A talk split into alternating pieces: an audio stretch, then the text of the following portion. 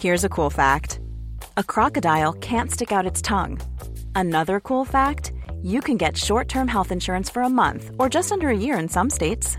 United Healthcare short term insurance plans are designed for people who are between jobs, coming off their parents' plan, or turning a side hustle into a full time gig. Underwritten by Golden Rule Insurance Company, they offer flexible, budget friendly coverage with access to a nationwide network of doctors and hospitals. Get more cool facts about United Healthcare short term plans at uh1.com. I'm Sandra, and I'm just the professional your small business was looking for. But you didn't hire me because you didn't use LinkedIn jobs. LinkedIn has professionals you can't find anywhere else, including those who aren't actively looking for a new job but might be open to the perfect role, like me. In a given month, over 70% of LinkedIn users don't visit other leading job sites. So if you're not looking on LinkedIn, you'll miss out on great candidates like Sandra. Start hiring professionals like a professional. Post your free job on linkedin.com/people today. Hei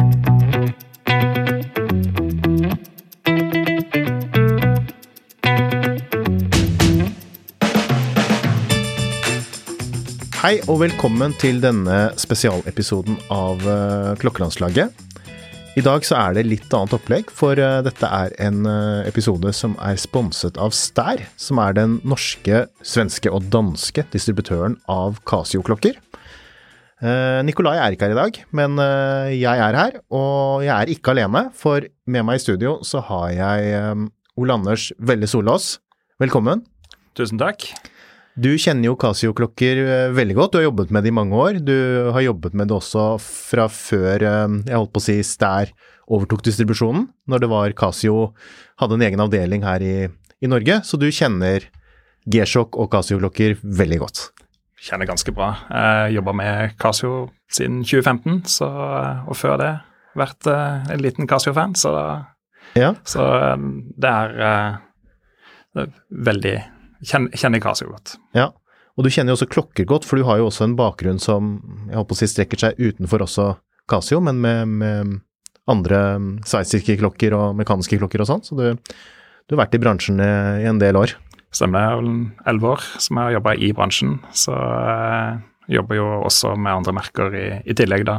Som eh, Bulova, eh, Oris, Doxa Ja. og Norcane. Så det er, vi har eh, flere spennende merker i porteføljen. Det kjenner jeg godt til, og, men, men det er noe spesielt med, med Casio og, og G-Shock også sånn for deg eh, personlig, ikke sant? Jo, er- første klokka jeg hadde, det var jo en Casio. Ja. En eh, W59. Som eh, gammel, eh, gammel eh, klokke som har holdt seg gjennom mange år, og fortsatt er i salg i dag, faktisk. Så det, er- det, er, en, det er en modellserie som har vært lenge. Har, du, har den ennå, eller? Har den ennå, den ligger i en skuff på gutterommet hjemme hos mamma, så det, Ja. det er den, den er fortsatt, fortsatt i live. Ja. Nei, det er veldig gøy, for da har vi jo litt, litt like si, bakgrunnshistorier. Um, min første klokke, eller den første det, det, Teknisk sett ikke den første klokken jeg hadde, men den klokken jeg selv Den første klokken som jeg selv ville ha.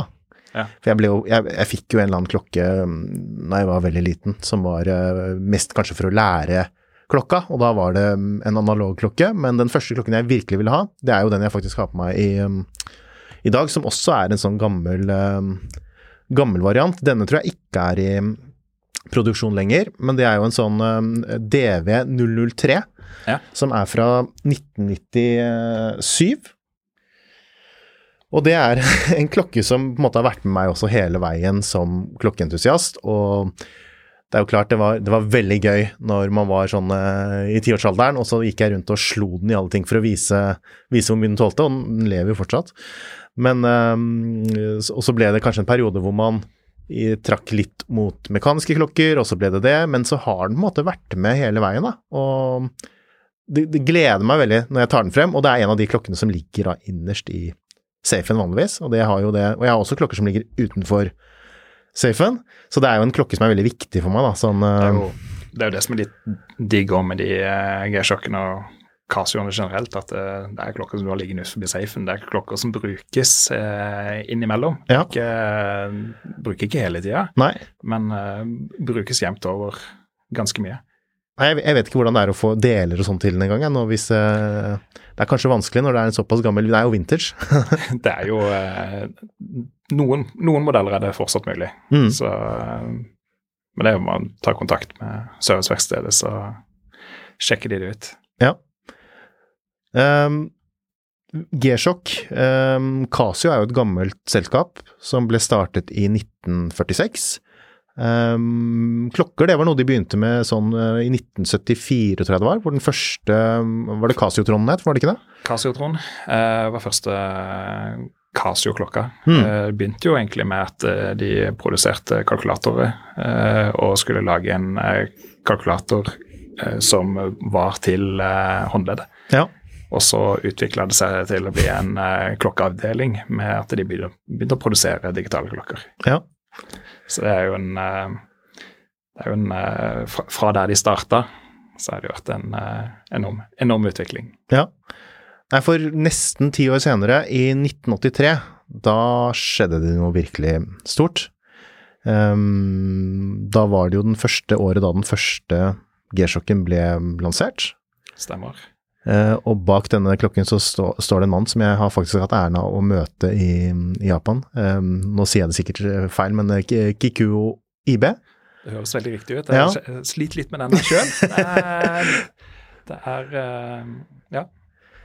Som er da eh, faren til, eh, til, til Casio. Og mm, ja, han er vel, jeg vet ikke, er han ansatt av Casio fortsatt? Han, han reiser vel mye rundt som en slags ambassadør, har jeg inntrykk av? Han er fortsatt ansatt i Casio og er, eh, er en reisende ambassadør for, eh, for Casio. Ja. Er veldig, veldig ettertrakta intervjuobjekt og vært veldig Han er jo G-sjokkens far, Ja. som kan man si sånn sett.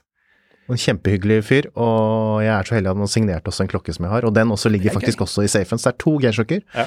som ligger i safen. De andre lever utenfor safen, men, men de to har eh, egen plass. Du er jo så heldig at du har vært i Japan og sett uh, litt av alt det der.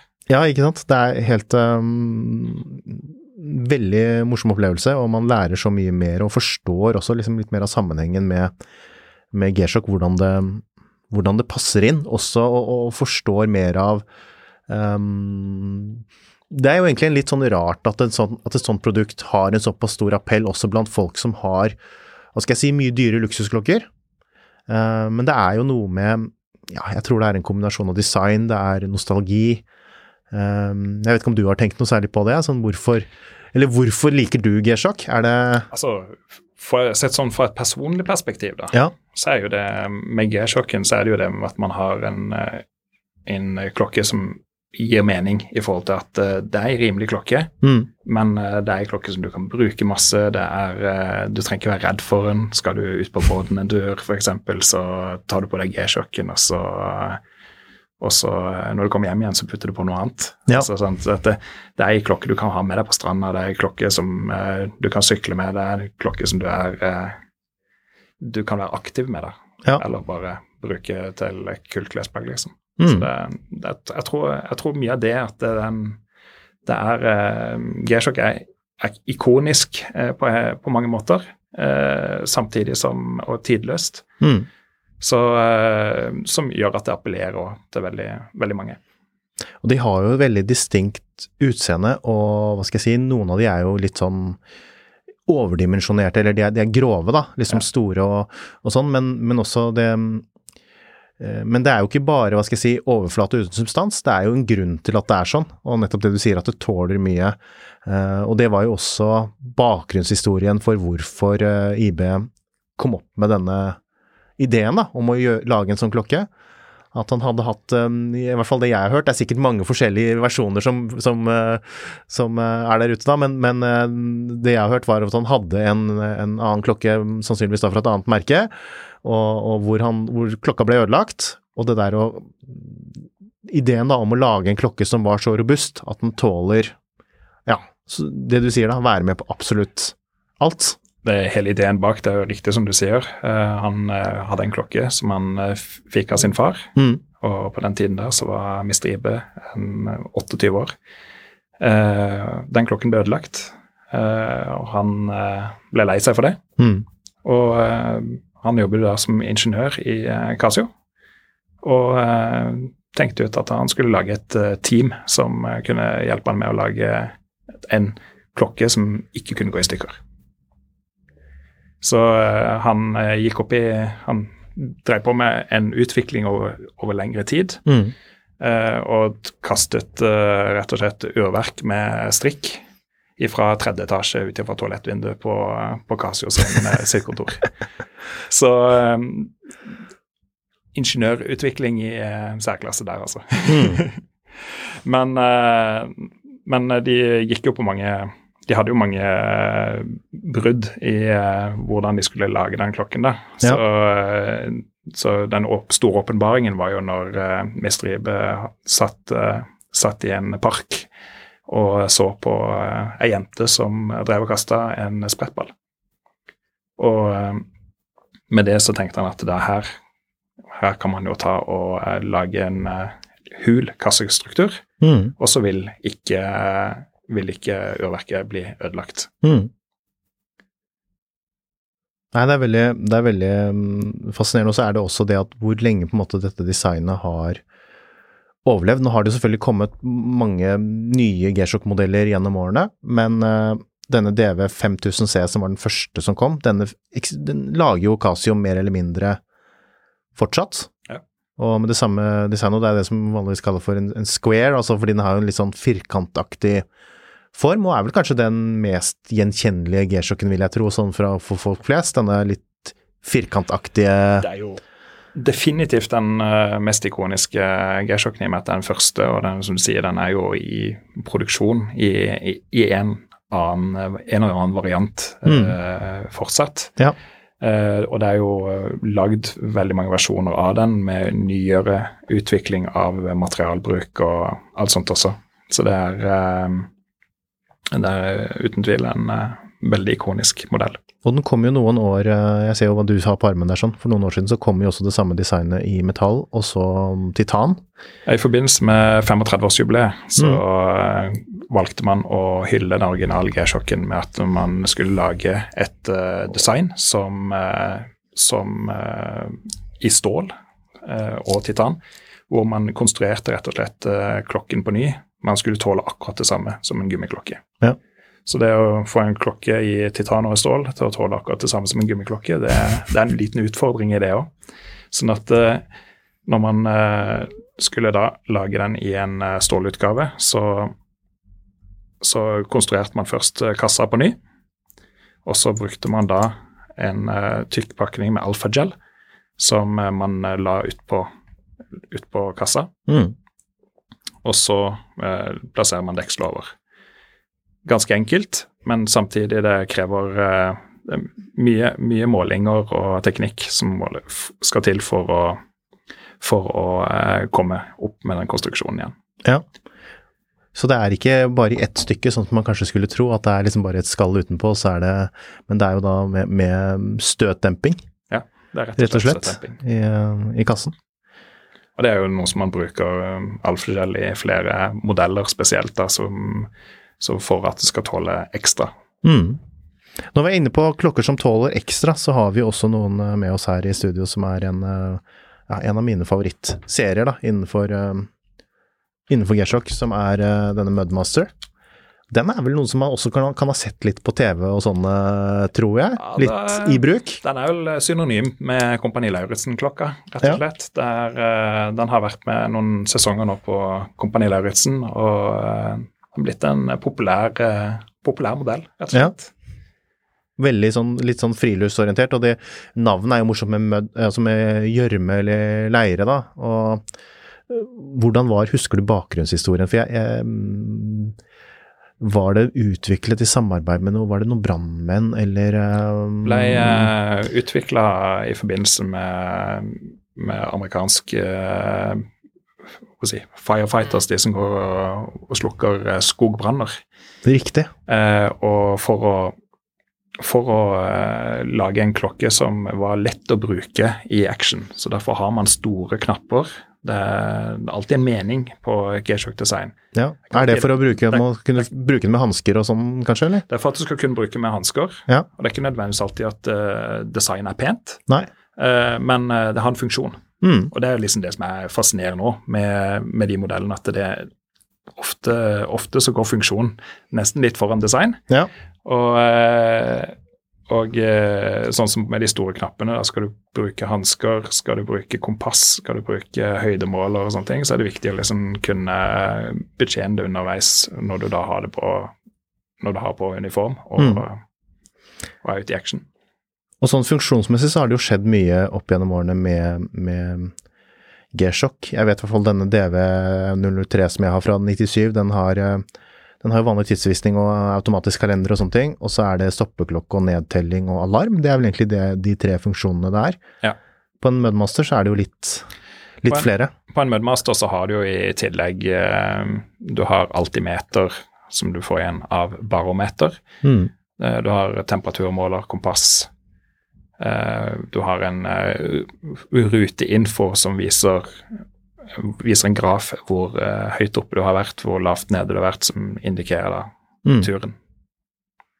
Og flere av disse klokkene har jo også sånn Bluetooth-tilkobling, så Den uh, første du viste, mm. uh, den var jo en uh, altså den GGB 100 med Kompani Lauritzen-klokka, den har Bluetooth. Mm. Den eh, GVG 2000, eh, den har eh, den er eh, den har safirglass og er eh, radiokontrollert Ja. i tillegg. Men eh, knottene der på, på de eh, klokkene der er jo da satt inn med doble pakninger, sånn at du får ikke gjørme inn i eller sand eller grus eller støv. Får ikke Mm. det inn i urverket. Mm. Nei, det er veldig fascinerende. Er det det er, eh, også Frogman har jo også kommet i um, en ny sånn eh, reissue, holdt jeg på å si. Ja. Det er fantastisk stilig. Nå er det jo eh, 30-årsjubileet faktisk til Frogman i år. Ja. Første Frogman kom jo i 1993. Mm. Så, og der er det jo laget eh, veldig mange forskjellige varianter opp gjennom åra, med og uten eh, høydemåler eller dybdemåler. Eh, og eh, den som kommer nå i år, den eh, var jo en, en mer tro til originalen, både sånn fargemessig og, eh, og eh, var litt, litt mer modernisert. Ja. Det er virkelig sånn entusiastmodell. Ja, ja. Um, samtidig så er det litt fascinerende det, men Eller jeg kan si det først. Når du sier at det er eh, 30-årsjubileum, så er det jo også de som De har kanskje fått det med seg allerede, lyttere som følger nøye med, men 1983, det er jo da 40-årsjubileum for, um, for G-sjokk Det stemmer. nå i år. Så det er jo litt derfor vi også er her, og vi kommer til å snakke litt mer om uh, hvilke nyheter som har kommet der um, senere. Eh, men det jeg kom til å tenke litt på, det er jo litt, som jeg synes er litt fascinerende, det er det at parallelt med at G-Shock lager disse veldig funksjonsorienterte, store, tøffe klokkene, så har jo også G-Shock hva skal si, sporet litt også, Man har nesten to forskjellige linjer, da. Altså det er også det som er mer mote, stil, eh, kanskje også litt spesielt innenfor kanskje street style og, og streetwear og sånne ting. Eh, og mange, tipper jeg, som har funnet, og det er mange som har blitt interessert i klokker nå de seneste, ja, siden sånn 2015-2016. Hvis man kommer inn i klokker da, så er jeg sikker på det at det er veldig mange som forbinder G-Shock nå med en eh, modell som kom i 2019, som har fått eh, kallenavnet Casio-Oak. Yes. Det var jo en uh, øyenåpner for veldig mange i forhold til, eh, i forhold til G-sjokk. Der eh, mange, mange er jo kjent med at G-sjokk er robuste klokker som tåler mye, og det er stor, klumpete design. Men den som da etter hvert har blitt da omtalt som Casio Oak, GA2100, den, eh, den er jo en modell som er mye mer slim i designet. Og eh, ikke alle som tror på det, men eh, designet er faktisk utvikla fra det originaldesignet på, eh, på Square. Eh, hvor man ser den eh, oktagonen i, eh, i, i rundt, altså i besel, Mm. hvor, hvor man har da valgt å lage en annen digital klokke Mm. som er nøyaktig like tykk Ja. som det originaldesignet. Og at man da har mer rundt glass. Så eh, har man bare tatt den beselringen rundt eh, DV5600 og bare lagd den til at den ble rund, Mm. tilpasset til oktagon. Nei, det er, det, det, jeg, jeg, Du kjenner jo sikkert tallene sånn, eh, det gjør jo ikke jeg, men jeg bare antar jo det, og sånn jeg ser, at det har vært en massiv suksess sånn salgsmessig. Ja. Um, man snakker om liksom Moonswatch og, og, at det har hjulpet Swatch, men jeg tipper jo liksom at dette her må være noe tilsvarende for, uh, globalt og, for Casio. Globalt og på europeisk og nasjonalt nivå så var det jo eh, ganske, ganske, stor oppstandelse, hvis man skal si det sånn. Mm. Eh, det er jo kanskje den klokken som har fått mest suksess med en gang. Ja.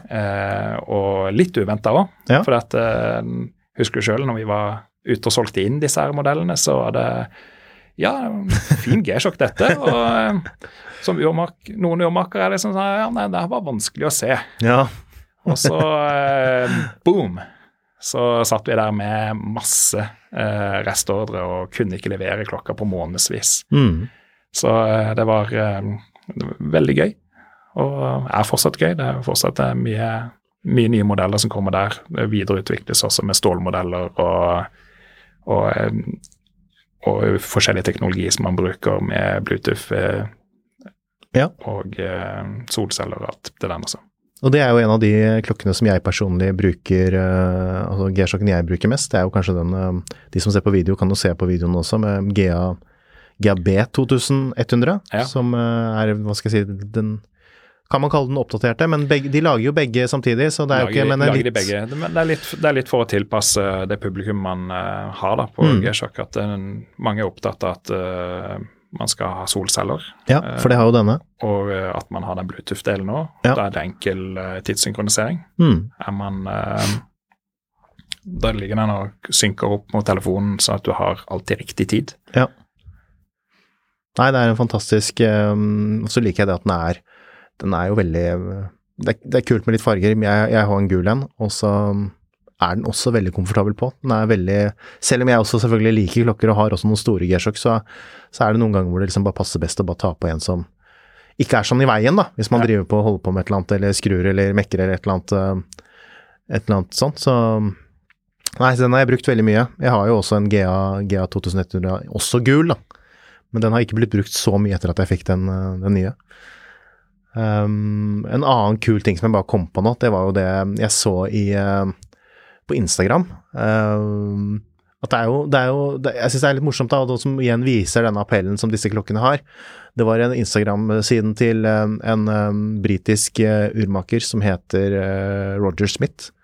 Som er en tidligere elev av George Daniels, som liksom er en av kanskje de ja, en av de største urmakerne gjennom tidene. da, og mm. Han har verksted ute på, på Isle of Man og lager klokker altså til, til flere millioner av kroner, til, som fra bunnen av. Helt fra bunnen av, med manuelle maskiner og ikke altså Daniels-metoden, som de kaller det. altså lage, Én mann skal kunne lage en klokke fra start til slutt. Og det er jo ingen som gjør, gjør det, da, unntatt Roger Smith og noen. ja. Um, han har et bilde, han var på ferie. Hva hadde han på armen? Kasiok. Fantastisk. Så det var bare Ja, det var, det var herlig, altså. Så, så det, er, det, er, utrolig. Og, og, men, men, ja, kult. Um, jeg tenkte jo det også å fortelle litt om hvordan um, hva skal jeg si, hvordan um, G-sjokk produseres. For jeg, jeg, har jo vært så heldig at jeg har vært i, faktisk på fabrikken der um, eller besøkt Casio faktisk et par anledninger. Og det er en grunn til at det ble to, to ganger, og ikke bare én. Um, første gang det var i 2015, så det begynner å bli noen år siden. Um, veldig spennende.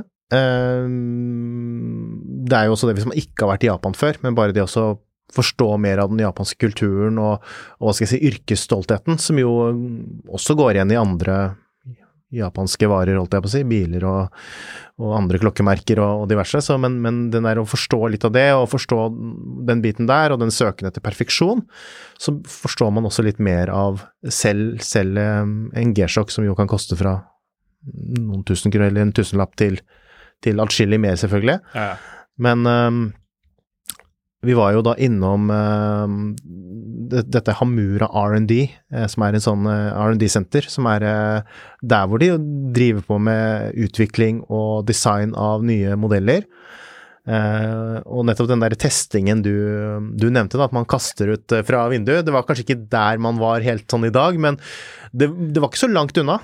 de hadde jo maskiner som mer eller mindre simulerte disse, ja, disse tingene, da. Og det så jo skikkelig, skikkelig brutalt ut. Sånn uh, mye krefter, da, og mye de skulle Det var jo De ga seg ikke før liksom klokka var helt Den skulle kanskje ryke, men, men tåle det opp til et visst punkt, da. Så Nei, det er, det er, virkelig det. Det er ikke det, For det er jo del, noen klokkemerker da, hvor de sier liksom at denne tåler det, den er robust og det og det, og så, og så sier man det, og så Ja, hvor er på en måte beviset for at man faktisk gjør det der, da? Fordi, for realiteten er jo det de færreste håndterer jo klokkene sine så hardt. Men her så vi jo virkelig da sånn med egne øyne, da, hvordan de testet klokkene, og at de faktisk tålte det, de påkjenningene de hadde. Det var blant annet sånn pendel hvor de liksom bare trakk det opp med noen vekter på, og så la de på vekter, og så bare kjørte det, krasjet inn. Det... det, er en, det er en litt uh, morsom historie fra USA, ja. når de uh, introduserte uh, G-sjokk til markedet. Mm. Det var i 1984, hvor man lagde den første G-sjokk-reklamevideoen. Hvor de hadde en hockeyspiller okay. som brukte G-sjokk, 50, den som heter DW 5000. Mm -hmm. uh, den eh, ble brukt til, til uh, puck. Og det var litt sånn der, litt sånn typisk amerikansk ved at du har At du kommer liksom, litt sånn filmeffekter inn, at den blir sendt inn der. og blir slått, slått til. Ja. Og den, kommer, den er hel fortsatt når keeper redder den. Mm. Det ble oppstandelse i USA. Mm. Eh, mange som meldte dette her reklamebyrået inn for eh, feil markedsføring. Mm. Det her kan, kan, jo ikke være mulig. Mm. Så eh, G-sjokk eh, ble plukka opp etter hvert av et, eh, et TV-show som skulle kjøre dette primetime. Skulle gjøre dette eksperimentet. Kunne det virkelig være mulig å kjøre en G-sjokk eh, gjennom med, med, hockey, med hockeykølle og bruke den som puck? Mm. Og de gjorde det live på TV, ja. og det fungerte. Ja. Og etter det så ble, ble merkevaren G-sjokk virkelig hot i USA.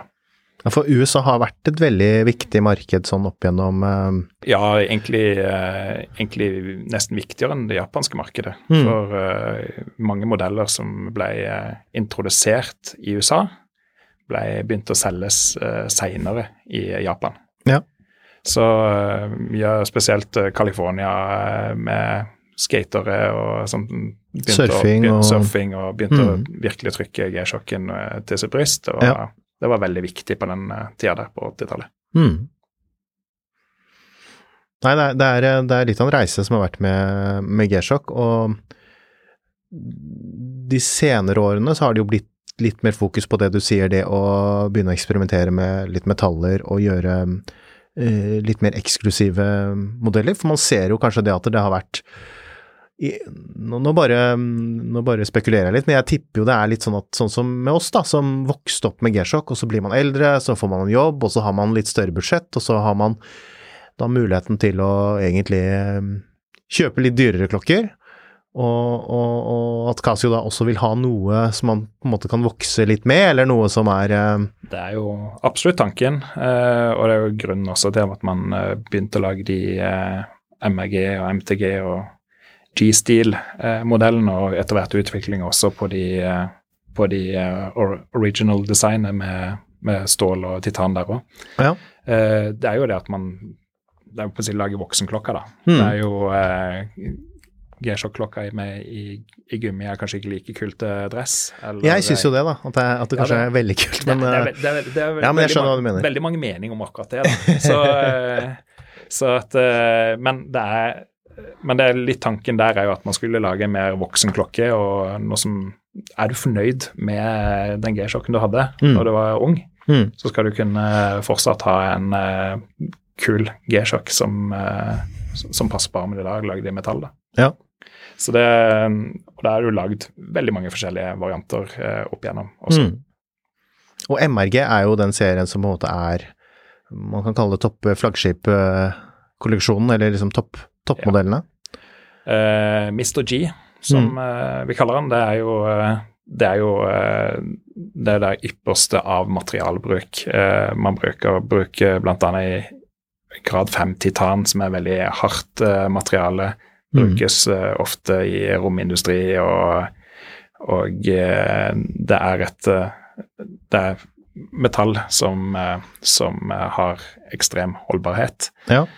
Uh, det som kjennetegner MRG-en, er jo at det, det er ikke noe slank klokke. Det er ganske robust, uh, robust klokke. Mm. Og man bruker uh, mye edelmetaller i, i kroner og flere forskjellige typer legeringer Ja. eh, på trykkere og eh, rundt besel.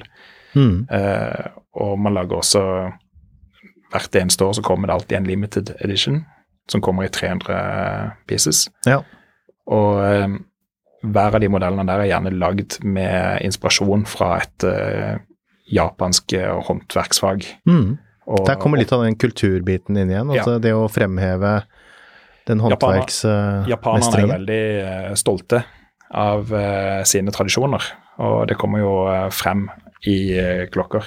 På, uh, på G-sjokk så har det vært eh, mye fokus på det med samurai-tiden og eh, rustninger og sverd og, eh, og forskjellige dekoreringer i forhold til det. Mm. Så um, flere versjoner hvor man har laget, hatt samarbeid med Gazan-familien, blant annet, som har seks generasjoner med, med produksjon av uh, sverd. Mm. Så, eh, så de er eh, den, det, det, er mye sånn, det er mye storytelling i, eh, i, bak mange av de modellene. Ja. Og du har jo også en Du bruker jo en MRG selv eh, ganske ofte, eller du har en, en som vi har viser frem her på, Stemmer. på kamera? Den brukes ganske mye. Den kan, om du er i hagen og eh, jobber med det, så altså, det er ikke noen begrensninger på en sånn type klokke. Det er bare å vaske den og gjøre den ren, og så er den eh, Mm. det er, eh, Den tåler det meste, Ja. rett og slett. Og så har vi også med en som eh, Ja, en virkelig rå, råtass. Som kom i år, gjorde den ikke det? Um, Square Den kom i fjor, faktisk. Jeg gjorde den det? Ja. Eh, den kom i fjor, og, den ble, og Men i forbindelse da med 40-årsjubileet, så, eh, så ble den introdusert da. Ja, for det, for det er jo en 40 Ja, det er, en, det er jo en, Som- i, det er forbindelse med 40-årsjubileet hvor man har lagd uh, MRG eh, i B5000-utgave. mm. Så da har man strekt konseptet med B5000 enda litt lenger, Ja. ifra at man har laget en MRG-utgave. Sånn eh, da For det er den første MRG-en som er i dette square-designet, Square er det ikke det? Men det er ikke den første MRG-en som er uh, digital. Nei. Det den første, Den første første mm. MRG-en kom i 1996, Ja. og den var faktisk digital. Mm. Og da kom den både i stål og i titan. Så eh, Og sånn prismessig, hva er det vi snakker da sånn for en sånn uh, Denne Eh, Square? Square-utgaven begynner på, uh, på 39, uh, og den sorte den ligger på eh, 45, sånn Ikke cirka. sant? Mm. Så det Så litt, litt høyere enn disse vanlige Enn den billigste, hva skal jeg si, DV 5600 i samme Ja, ja, det er helt klart. Og ser man opp i forhold til den, eh, den eh, B5000-utgaven i titan også, så er det jo eh, er det mange som spør liksom, hva, er, hva er forskjellen på den. Mm. Men det er jo eh, det er jo helheten i eh, finansiering på hvordan den er lagd, for det første. Ja. Den er lagd på eh, Den er jo lagd på Yamagata-fabrikken, og det er jo det er ikke et eh, det er jo det er premium production Mm. eh, line til eh, Casio er, og alt er satt sammen for hånd. Ja. Det er ikke noe som er den består også av flere deler, har jeg sett. Av Kassen er ma- mange mer, mye mer detaljert. Det er mange flere deler i, i kassa hvert Der hvor man på en B5000-variant på lenka vil se at eh, det ser ut som skruer, Mm. så er det bare stansa inn, Ja. sånn at det er ikke skruer. Mens på den på eh, MRG-en så har man enkelskrue i hver i, to, i to, eh, to, to i hvert ledd, som eh, gjør at man har eh, tilfører jo flere komplikasjoner. da. Mm. Så det, det er eh, Men det er helt, som sagt hele kasseoppbygginga, altså hvordan en MRG er utvikla med, med alfagel eh, som ligger rundt, eh, rundt k- urverk og, eh, og eh, støtter og ja, hele kasse, kassebiten. Man prøver å pushe det til eh, det mest ekstreme hele veien. Ja. Du, nevner, du nevner jo også denne Premium Production Line, og det var jo um, der jeg i hvert fall til slutt fikk kommet meg, da. Eh, For det var litt dårlig vær. Ja, i 2015 når vi var der, så ble det jo fryktelig uvær, og det ble flom, og vi vi var jo faktisk på vei opp til, eh, til Yamagata. Det ligger jo litt sånn nord for Fukushima. Vi kom til Fukushima, og, men der var det stopp. For da stoppet tog, og så prøvde vi, prøvde vi å komme oss på, på, en buss, så kanskje vi kunne komme oss opp der, men det, veiene ble jo etter hvert stengt. Ja. Så det var jo full evakuering og sånn etter hvert, da. Så det, var det, var, det var bra. Det var litt av en opplevelse å kjøre rundt i det uværet i en hel dag. Men vi, ja, så vi kom oss aldri dit, da. Men eh, så var jeg jo så heldig å få være med en gang to år senere, eh, hvor været var atskillig bedre. Uh, og da fikk vi jo kommet oss til Yamagata og fikk se denne, denne premium production line, som de kaller det. Um, jeg har jo vært på mye fabrikker, um, og det var annerledes. Det var veldig annerledes. Det var, det var um, kanskje mer sånn jeg ville forestilt meg, nesten at man lagde noe veldig, veldig høyteknologisk uh, datakomponenter eller noe sånt. Det var helt sånn støvfritt med støvsluse og full, altså full bekledning med sånne støve... Eller frakker og munnbind, holdt jeg på å si, og, hatt, og sånne um, hårnett og full, full pakke, da.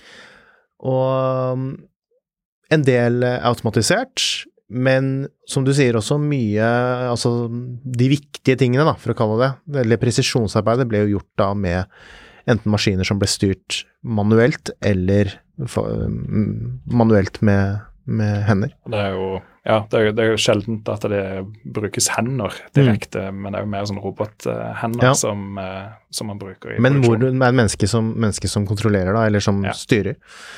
Så det er ganske, et ganske fascinerende syn, og, og, jeg tror alle som var der, ble veldig imponert over den, um, den um, det fokuset på, på um, presisjon, eller på, på, perfeksjon, vil jeg vel nesten kalle det, med opplining av, uh, av uh, visere, og at ikke det skulle være noe støv eller noe sånt, for selv på forholdsvis dyre sveitsiske mekaniske klokker, så kan man jo finne Vil jeg tro man finne, kan finne mer støv og fingermerker og diverse sånn på, på det, da. Det vet jo nesten de selv òg, for du har jobbet med forskjellige jo, eh, andre det er jo mange, det er mange fallgruver, for å si det sånn, i en, i en produksjonslinje. Så, men eh, det skal sies at sånn som MRG-produksjonslinja, eh, den den er ganske stram. Ja. Det, er, det, er, ikke rom egentlig for at det skal gjøres noe feil på, eh, på, det.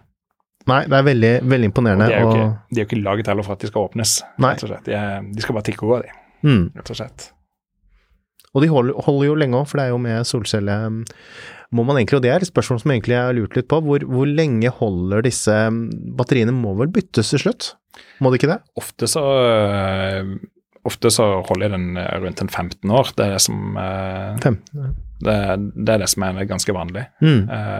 Det kan jo selvfølgelig skje før òg, det er jo alt, alt igjen etter bruk. Ja. Men uh, 10-15 år er ganske normalt. Mm.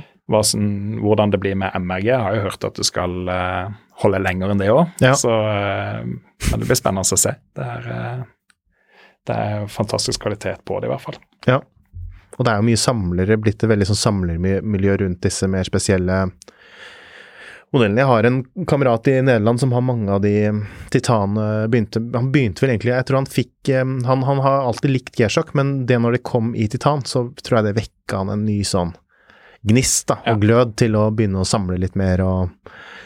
Du kan jo se, du kan jo se det er jo forskjellige typer samlere på, eh, på G-sjakk, men det som er nesten en sånn fellesnevner for alle, det er at de finner én serie som er veldig eh, for dem. Mm. Eh, veldig mange har det originaldesignet med 5600 som kommer i, eh, kommer i mange varianter, hvor det kanskje er den letteste klokka å samle på, for det, det, er så, det, er så, billig og enkelt å, å, å få en uh, samling. Ja. For du får mange varianter og, ut av den. Mm. Uh, og så er det 69 DV6900. Har mm. vært en uh, populær modell å samle på opp igjennom òg. Så det Og også etter hvert Er det den med de tre Det er den der eh, digitale, runde, litt sånn bulky oh, ja, ja, ja, Også med de der tre, tre som viser sekunder og med halvt mm. minutt og minutt-indikeringene. Mm. mm. Så um, det er uh, det er en modell som eh, veldig mange liker. Og så har du sånn som meg, da, som er litt all over the place, men eh, jeg kjøper egentlig bare det jeg Jeg bare vet det når jeg ser det. Ja, ja. Sånn eh, litt, Helst litt fargerikt, og litt lekent, og litt Det er, det, eh, er, er gult hos deg som går igjen, er det ikke det? På, eh, Jo, gult er, gult er i utgangspunktet den grunnfargen som jeg vil ha, men så er det også noen sånn Jeg kjøpte jo en av de Den her var jo også ny, eh, ny nå i år. Ja. Uh, husker jeg selvfølgelig ikke, for den har et litt, også litt kompliserte G, Er det GW et eller annet, tro? Oh, Nei, den har Nei, også litt den kompliserte er- sånn eh, serienummer, eller referansenummer. den er jo egentlig en Men uh, man eh, kaller den for Jason, fordi den har jo, ligner jo liksom litt på den uh, mas masken til uh, denne filmkarakteren Jason. I hvilken Eh, film da? Er, er det ikke den derre de skrekkfilmen? Nå står det helt stille, men er det ikke mm,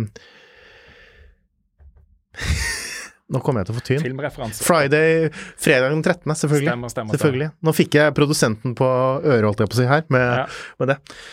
Um, så det er jo den derre hockey Eller er det hockey? Nå er jeg jo så dårlig på sport nå, men, men også den masken, da. Eller den eh, Og det ser man kanskje litt bedre sånn, hvis man, hvis man tar av dette Best at man har den der spesielle Spesielle fasongen på beselen.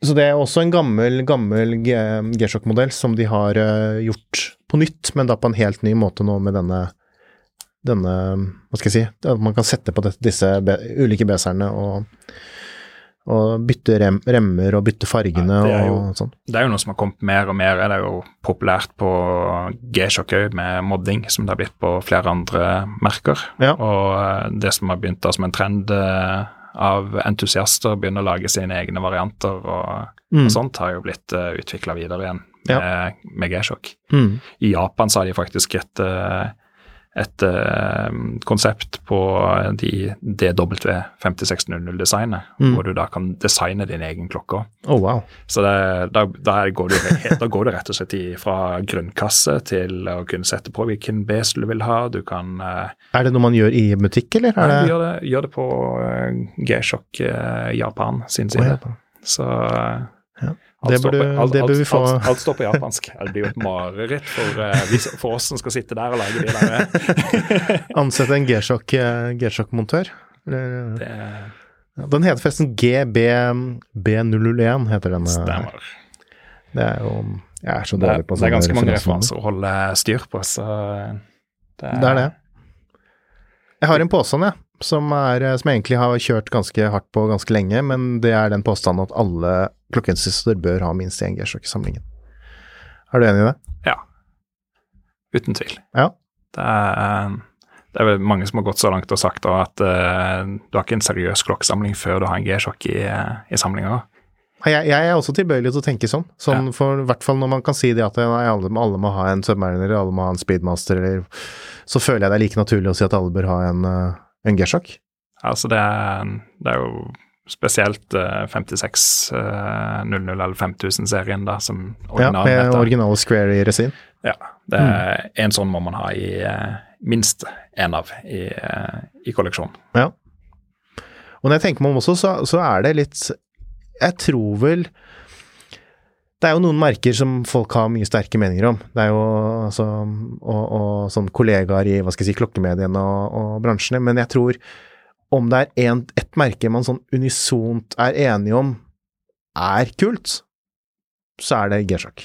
Absolutt. Og som jeg tror alle jeg, alle, For jeg, det er jo noen ganger jeg har vært, um, vært på diverse tilstelninger og lanseringer, så har jeg kanskje gått med en G-sjokk, da, og så er det alltid liksom mye positive tilbakemelding på det, selv fra folk som da har veldig dyre, kan ha veldig dyre klokker på lanken, eller Jeg tror mye av årsaken til det er jo at uh, mange har fått sin første klokke, Ja. og sånn ser man i et klokkehistorisk perspektiv, mm, så uh, var G-sjokk noe helt nytt. Ja. Altså det var jo ikke Det er ikke noe etterligning i et annet design eller eh, noe sånt. Det er originalen, rett og slett. mm, Det, skal du ha en støtsikker uh, digital klokke, så er det G-sjokken som er som, er som var det første. ja.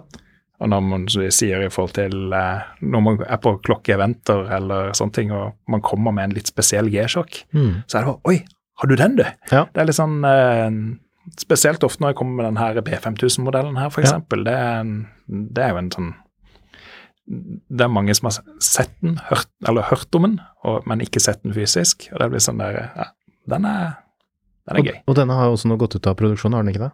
Den er godt ut av produksjon. For det var Det er- også en limited, eh, den, Også, Det er jo ofte sånn med mange, mange av de produksjonene der at de, de kommer ikke så mange. I Nei. fall ikke til Europa. Så det er litt sånn Men hvordan fungerer det egentlig? Fordi jeg, jeg, jeg vet jo det at mange av modellene kaller man Man sier at det er limited, men i motsetning til en del merker så er det ikke sånn eh, Altså som Omega da, som sier nei, det er 2000 eksemplarer eller sånn, men det, det pleier ikke Casio så veldig ofte å si. De eh, sier ikke så mye om tall, men så er det ofte limited, og når det på en måte er slutt, så er det slutt? Er det litt sånn? Ja, det går fort, eh, det går fort plutselig slutt. Ja. Eh, Men altså, det er jo helt riktig. Casio oppgir ingen tall, ikke, ikke internt engang, på, på den biten. Så vi vet jo Når de sier det er en limited edition, Ja. så vet vi antallet som kommer til Europa. ja og da bør man Altså- helst kjøpe, eller så er det veldig usikkert om uh... Ja, også, ellers blir det gjerne kalt det en one-shot eh, production. Og Ja. er det en one-shot production, så er, det, så er det den produksjonen du får, mm, og så er det ikke noe mer. Går det, blir den veldig populær, Ja. så er den utsolgt veldig Mm. fort og ferdig. mm, Og er den ikke fullt så populær, så, så holder den i gang en stund. Ja. Nei, jeg, jeg, jeg, eh, jeg, har skjønt, jeg har jo skjønt det nå etter hvert, da, at det, er litt hvordan det fungerer. Men eh, jeg brant meg på det en gang med en eh, For noen år siden så hadde de en eh, DV, D, jeg sier DVD DW 5600 med i litt sånn eh, Ikke akkurat regnbuefarger, men sånn multicolor Ja, ja. Nikolai kjøpte jo en sånn, da, men han har jo brukt den til å pusse når han pussa opp hjemme, eller Den blir Og sånn, skikkelig, så- multicolor. den, men det også var vel en sånn enten one-shot eller en limited da, som forsvant ut av Den var der, og så forsvant den igjen. Den eh, ble vel introdusert i 2020, tror jeg. Men, eh, Nei, var det så sent, da? Ja, kanskje. Ja, du, du Det vet sikkert bedre enn meg. Jeg er litt, rain man bak på akkurat sånne ting. Ja, ja. Nei, da stemmer det sikkert, det, altså. Hiring for your small business? If you're not looking for professionals on LinkedIn, you're looking in the wrong place. That's like looking for your car keys in a fish tank. LinkedIn helps you hire professionals you can't find anywhere else, even those who aren't actively searching for a new job but might be open to the perfect role. In a given month, over 70% of LinkedIn users don't even visit other leading job sites. So start looking in the right place. With LinkedIn, you can hire professionals like a professional. Post your free job on linkedin.com/people slash people today. There's never been a faster or easier way to start your weight loss journey than with PlushCare. PlushCare accepts most insurance plans and gives you online access to board-certified physicians who can prescribe FDA-approved weight loss medications like Wigovi and Zepbound for those who qualify. Take charge of your health and speak with a board-certified physician about a weight loss plan that's right for you. Get started today at plushcare.com slash weight loss. That's plushcare.com slash weight loss. plushcare.com slash weight loss.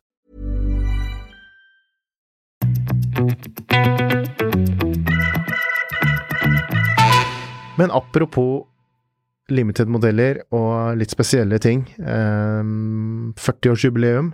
Ja. Det har jo kommet eh, en del nyheter som er eh, spesielt aktuelle nå med, i år, når det er 40-årsjubileum, som ja, de Skal vi si at det er jubileumsmodeller? For det er jo det. Det er jo, det er jo Ja. jubileumsmodeller, og man har jo spesielt den eh, Remaster Black-serien eh, på G-Shock som, som eh, viser eh, veldig bra hva eh, 40-årsjubileet går ut på. Eh, der har man, eh, tar man alle milepælene til eh, G-Shock, og så viser man det på remmen inngravert med hvilke type modeller som er blitt, eh, blitt lansert fra 1983 og fram til 2023 Ja. så, eh, som viser liksom store fremskrittene til, eh, til G-Shock. Og så er det ellers helsorte. Det ligger altså i Remaster Black at det er sorte Det er sorte, Modeller? De er sorte, de modellene som er der, ja. uten noe farge. Det er litt innslag av gull, altså Det gullfarge. Innslag, av gull. Det er, man har en smykstol på, eh, på remma som eh, Ja, det må du fortelle hva er, for det er et ord som jeg tror mange lurer på. Det er da ofte også kalt hempe Ja. eh, på, eh, på reima. Ja. Man skjønner at du har vært i bransjen noen år, da. For uh, hvis du ikke hadde vært det, så hadde du sikkert bare sagt hempe. Ja. Eh, så, eh, men smykstol er altså da den eh, hempa som du eh, bruker for å skli eh, reima under, så Ja. ikke den eh, ligger løst og flakker. Mm. Eh, men den er lagd i gullfarga. Ja. Eh, har fire stjerner som indikerer hvert tiår. Ja, riktig. og så eh, Jeg har lurt litt på de stjernene, faktisk. Ja. Hvor, hvor det kom fra, men nå skjønner jeg det. det. Det indikerer hvert tiår. Så 30- og 35-årsjubileet så hadde man tre stjerner. Ja, Det husker, det husker jeg nemlig, så Og, så der eh, så er det en eh, er det jo en eh, New York street artist som heter Eric Hayes, som har designa 40-årsjubileumslogoen.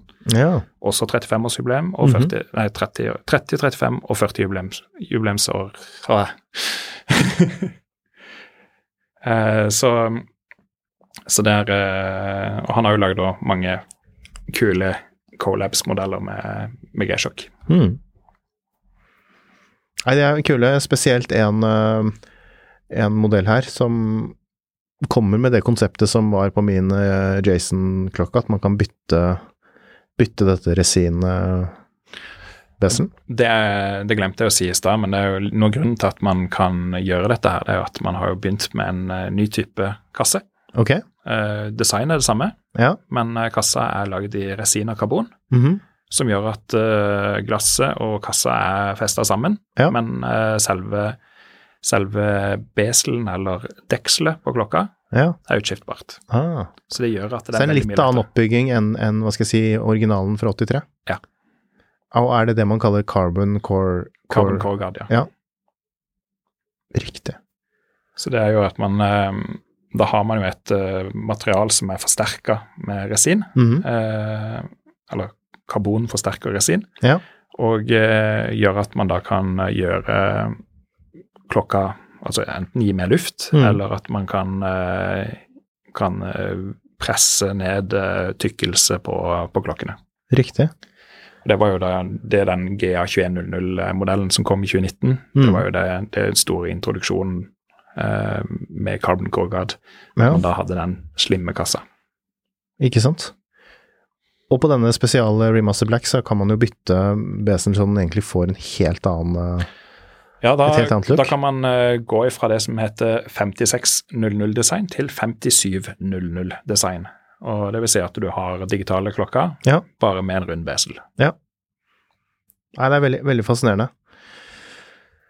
Uh, det har jo også kommet en uh, som jeg personlig syns er veldig um, kule, som um, er gjennomsiktige. Det er eh, Det blir nesten helt det motsatte av, eh, av de sorte. Ja. Der ser man jo også Jeg prøver å vise litt på kamera her, ja, om det er mulig. Skal vi se. Hvor man har eh, lys. Hvor man da ser eh, hva skal jeg si, innmaten på klokkene, for det er jo ikke så vanlig at man ser det fra eh, Kan man kalle det skivesiden? At man ser eh, Nei, altså det som er gøy på det, er jo at det er en, det er en digital klokke. mm, Og så har du gjennomsiktig, eh, gjennomsiktig eh, urskive. Ja. Og eh, det er jo rett og slett LCD-skjermen i, i, i klokka som ikke har noe bakgrunn. mm, Så den ligger, ligger fullt synlig med, med bakgrunn. Og det er jo sånn som på modeller hvor du har solceller også, så ligger jo solcellene øverst. Så man får jo eh, De ligger jo der og tar imot lys. Ja. Nei, de er veldig veldig morsomme, og viser jo også litt den der lekenheten som, eh, som mange jeg tror liker ved, ved G-sjokk. At Ja. de eksperimenterer med materialer, de eksperimenterer med farger, eller i dette tilfellet ikke noe farge i det hele tatt. ingen farge i det hele tatt. Ja. Det har jo- det har jo vært litt en sånn der transparente klokker har jo vært eh, en liten moteting. Ja, det går jo igjen også ellers i klokkeverden, med, Ja. med hva skal jeg si, når det er at man bruker safirglass, da, eller ja. kasser av safirglass, eller at man har den der gjennomsiktige, geléaktige looken. Når vi var inne på litt dyrere, dyrere Square, så har de jo også Casio kommet med to virkelig lekre nyheter. Kan du si litt om, eh, om de? Hva er dette her? Det er rett og slett uh, GM. WB5000 i uh, recrystallized uh, stål, rett og slett. Og det er rekrystallisert stål, det, det vil si at man uh, har har Altså, man har rett og slett tatt, en, stå, tatt stål, en stålblokk og malt den opp i mange deler. Mm -hmm. Og så har man smeltet den sammen igjen okay. for å få en litt mer, mer struktur i i eh, stålet. Ja. Og så, eh, og så har det blitt da lagt som en legering igjen utpå eh, en vanlig stålkasse og stållenke. Så der får man den effekten. Det kan minne litt sånn utseendemessig som galvanisert stål, ja. eh, men mer matt versjon, mm. eh, rett og slett. Ja, det ser jo, ser jo virkelig annerledes ut da, med den litt sånn matte, teksturerte ja, altså, den, den uh, Bildene rettferdiggjør ikke helt den, uh, den klokka der. For at det, det er sånn der, Se den live, da, da, får du liksom følelsen av at den, det her det kjennes ut som det er noe mer. Altså, ja. den, er matt i finishen og, og ja, veldig fin tekstur, som du sier. Mm. Og for de som hører på, og som ikke er helt inne i G-sjokk, hva skal jeg si, referansene, så så vil jo det, det, det, du sa tidligere, vil jo da si at det er en square eh, Det er da denne square-modellen som har vært base som er basedesignet for også disse spesialmodellene her. Ja. Det har også kommet en modell i år som jeg tenkte vi kan ta, for nå begynner tiden å løpe litt fra oss her, men eh, det er eh, en viktig og etterspurt modell som har kommet i år, som ikke er en 40-årsjubileumsmodell, men som jeg vet mange har ventet på, som jeg syns vi må snakke litt om. Ja. Skal du prøve å kaste den over her, eller? Sånn vi... vi kaster over. Det er en som tåler det. Ja. En uh... Square, det også? Det er en square. Heter så mye som DW H5600. Ja. Det er rett og slett uh, en uh, original G-sjokk med pulsmåler. Uh, og det er spesielt, for det, det er, er noe G-Shock har jo hatt, uh, hva skal jeg si, treningsklokker tidligere. Ja. Men det har jo liksom glimret med sitt fravær, disse ekstrafunksjonene som, som går på puls og Det har liksom vært et uh, si, ignorert marked for Casio i mange år. Mm. De var jo veldig tidlig ute med, med pulsmålere. Mm. Og så tok det sikkert ikke av, da. I, var, folk var ikke så opptatt av at det var at det var eh, pulsmåling på klokka, så de hoppa videre. Ja. Casio er jo veldig sånn at de er jo innovative ja. og tester ut veldig mye forskjellig, og så De lager jo veldig mange modeller og så nyheter og, og sånn i året, så det må jo være litt sånn. Det er veldig Det er, det er litt sånn der eh, Man eh, prøver ut. Ja. Funker det ikke? Nei. Da kaster vi den, og så går vi opp på en ny idé. Ja. Og så tester vi det. Mm. Eh, litt der var det kanskje med, med pulsklokker òg. Så eh, da var de eh, Men det har jo vært et ønske mange år, ærlighet. Altså eh, Det har vært forventa i mange år at man skulle komme med en pulsklokke. Mm. Og eh, nå har man jo vært gjennom flere forskjellige varianter i, fra Protrek til eh, Casio Sport, og man har hatt uh, forskjellige G-sjokker med og uten uh, pulsmåling og sånt, men det, det er først nå den har kommet med en ordentlig pulsmåler, ja. hvor uh, man også har et samarbeid med Polar, faktisk. Så det er første, første firma som, som, Polar har samarbeid med. Ja. hvor For de, de er jo ganske for, populære sånt på med deres egne klokker, holdt jeg på å si. Ja, ja. Og, uh, men her får man jo et uh, Det som er stor fordelen her, er at det er G-sjokk. At mm. det er G-sjokk uh, utenpå, det er G-sjokk inni. det er Så du får Så den tåler også mye Den er vanlig 200 meter vanntett og tåler støt og slag og hockeykøller og det som måtte være. Vær forsiktig hva du sier, da, så ikke noen Nei, altså, det, Nei da, men det går jo sikkert bra. Det er jo det som er greia, at eh, G-sjokk skal du jo bruke. Ja. At uh, siste du skal være redd for, det er klokka mm. di. Mm. Men uh, funksjonsmessig og sånt da, så har man jo uh, så har man jo de vanligste treningsfunksjonene på klokka. Og og man har da oppkobling da til eh, Casio sin egen app, Ja. Casio Watches, Mm. eh, hvor eh, man kan legge opp eh, treningsopplegg og, og ja, intervall, intervaller og løping. Så nå finnes det faktisk ingen unnskyldning for å ha en sånn stygg, kjip pulsklokke lenger. Nei, nei. Og kan man ha det ikoniske, ikoniske scare-designet, og så fortsatt få jobben gjort. Det er sant. Så er det jo kommet uh, mer som fullblodsmodeller òg, da, i den, eh, i den eh, GBD H2000-serien også. Ja. Hvis du vil ha den nå. ja Kast den Jeg over. prøver å kaste. Oi. Det hadde vært morsomt om jeg ikke tok den ut ordentlig, da. Bare for å vise Det er jo det er også en modell som Den er, den er mer fullblods eh, treningsklokke i den forstand at man har eh, at man har GPS, eh, innebygd GPS og eh, litt flere funksjoner i, i eh, forhold til trening, da. Ja. Så der er det en ja, mer fullblods eh, treningsklokke. Men litt mer lik en vanlig Litt mer lik en vanlig, En vanlig treningsklokke. En, vanlig treningsklokke. Ja. Det, det sjarmerende med den 5600-modellen er jo Mm. at det, den ser ut som en vanlig klokke. og Og de har kommet med en del freshe varianter også, for det er jo med metall, metallbesel på, Ja, ja. på noen av de, og, og litt uh, kule farger. og Tror du det også kommer til å komme mer av det, eller? Sånn uh, Håper det. Ja. det jeg tror, tror det og håper det, eh, at det vil komme mer. også, Men det er jo litt annet display enn Og det er jo selvfølgelig for at man skal kunne vise mer funksjoner og Man har gått over til et sånn. display som heter Mm. MIP-display. og Det gjør at du har en høyere kontrast enn det du har f.eks. på en vanlig LCD-skjerm. Ja. Så eh, det gjør jo at den er synlig selv om den er negativ display, altså Mm. sort bakgrunn, hvite tall. Eh, og eh, gjør at den er veldig, veldig synlig. Ja. Hvor mye er det de ligger på sånn cirka, disse klokkene? Um, Eh, 5600-varianten der ligger på ca. 4,5. ja. Og eh, den, eh, den eh, H2000-utgaven ligger på 5009. Mm. Veldig bra. Og jeg håper det at vi har Vi har jo vært gjennom masse, og jeg skjønner det hvis det er kanskje folk blir litt uh, At det er mye, det er mye å holde styr på, da, og, og, og mye, mye referansenummer og Det er veldig mange referanserommer å huske på.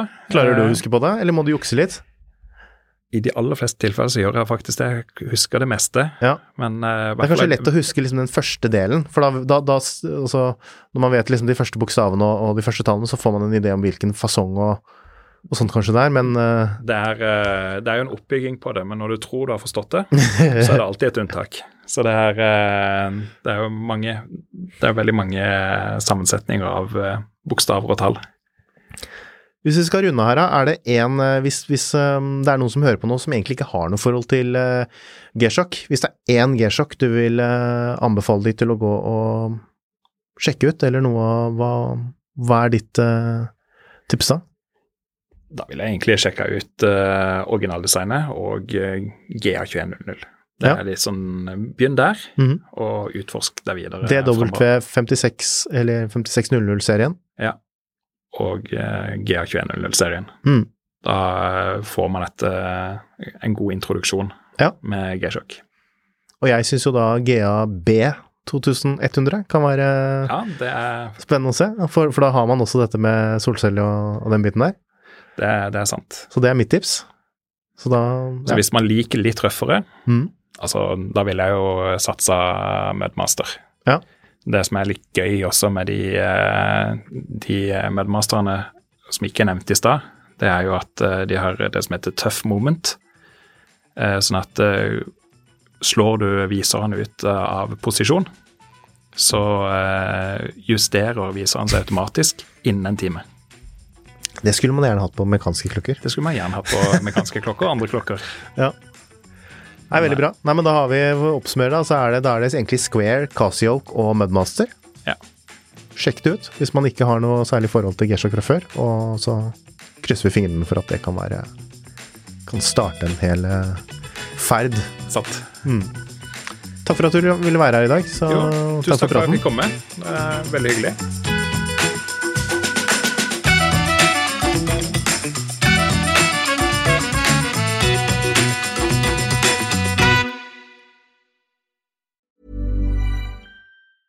Even when we're on a budget, we still deserve nice things.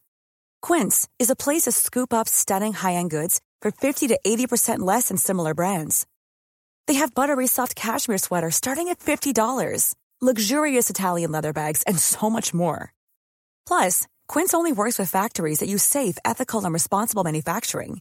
Get the high-end goods you'll love without the high price tag with Quince. Go to quince.com slash style for free shipping and 365-day returns.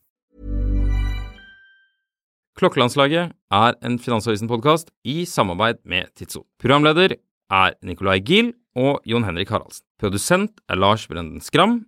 Podkast- og videoansvarlig er Marius Mørk Larsen. Og ansvarlig redaktør er Trygve Hegnar.